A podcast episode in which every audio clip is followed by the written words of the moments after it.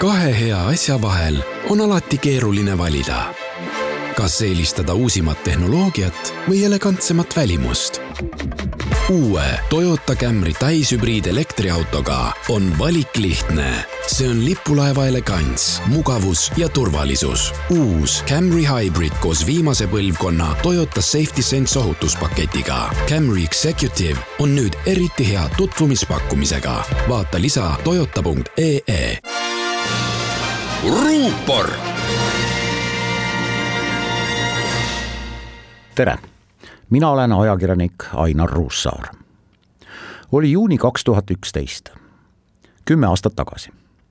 riigikogu arutas enne suvepuhkusele minekut eesti keele tulevikku ja eestikeelsele haridusele üleminekut. parlamendis oli neli erakonda. valitsusse kuulusid Reformierakond ja Isamaa, opositsioonis olid Keskerakond ja sotsid mingit tõsist arutelu eestikeelsele haridusele üleminekust välja ei tulnud, kuna tegelikult ei soovinud selle teemaga tegeleda ei valitsusparteid ega ka nende vastalised. igavas, mitte kuhugi viivas arutelus kordusid sõnad probleem ja keeruline küsimus.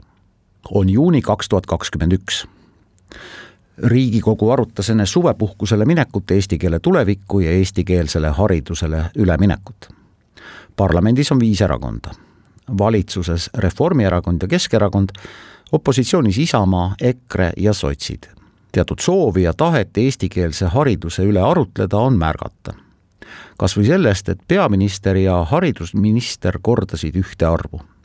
Eesti läheb eestikeelsele õppele üle hiljemalt kahe tuhande kolmekümne viiendaks aastaks. see tähendab, et veidi rohkem kui kümne aasta pärast Eestis enam venekeelset haridust ei anta Vene keel on koolis võõrkeel, seda võib ja tuleb õppida, aga võõrkeele tundidest väljaspool on õppekeel eesti keel. haridusminister tunnistas, et vene koolide eesti keelele kiire üleminek ei ole võimalik sellepärast, et ligi kaks tuhat õpetajat ei oska hästi eesti keelt minister tunnistas sedagi, et nende õpetajate motivatsioon arendada oma keeleoskust on võrreldes paljude teiste erialade esindajatega madal. reaalsust peegeldavad ka uuringud alla kahekümne protsendi mitte-eestlastest sooviksid, et nende lapsed õpiksid ainult eestikeelses koolis.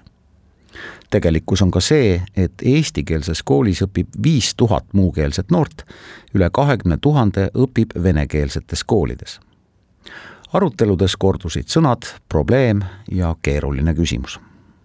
tuleb juuni kaks tuhat kolmkümmend üks riigikogu arutab enne suvepuhkusele minekut eesti keele arengukava täitmist ning eestikeelsele haridusele ülemineku hetkeseisu. parlamendis on esindatud liberaalid, konservatiivid ja rahvuslased. valitsus deklareerib uuringutele toetudes edusammudest. Neid õpetajaid, kes ei oska eesti keelt, on vaid tuhatkond kolmandik siin elavatest mitte-eestlastest soovib, et nende laps õpiks ainult eestikeelses koolis pooled vene emakeelega lastest õpivad eestikeelses koolis, pooled mitte. kahe tuhande kahekümne esimesel aastal seatud eesmärgini jõudmiseks on aega kolm aastat. aruteludes korduvad sõnad probleem ja keeruline küsimus. kipun ennast kordama, aga teen seda täiesti teadlikult. kakskümmend kaheksa aastat tagasi, tuhat üheksasada üheksakümmend kolm, otsustas Eesti parlament, et aastatuhande vahetuseks ehk aastaks kaks tuhat on vene õppekeelega gümnaasiumid eestikeelse õppega. möödunud on kakskümmend üks aastat. nii ei ole läinud. professor Ülo Vooglaiu esitatud küsimustele ei leia ühest vastust. mida Vooglaid küsib? väga lihtsaid küsimusi. näiteks, mida peab tänapäeva inimene teadma ja mida tingimata oskama millest peaks tänapäeva inimene tingimata aru saama ja mida ta peaks suutma ette näha.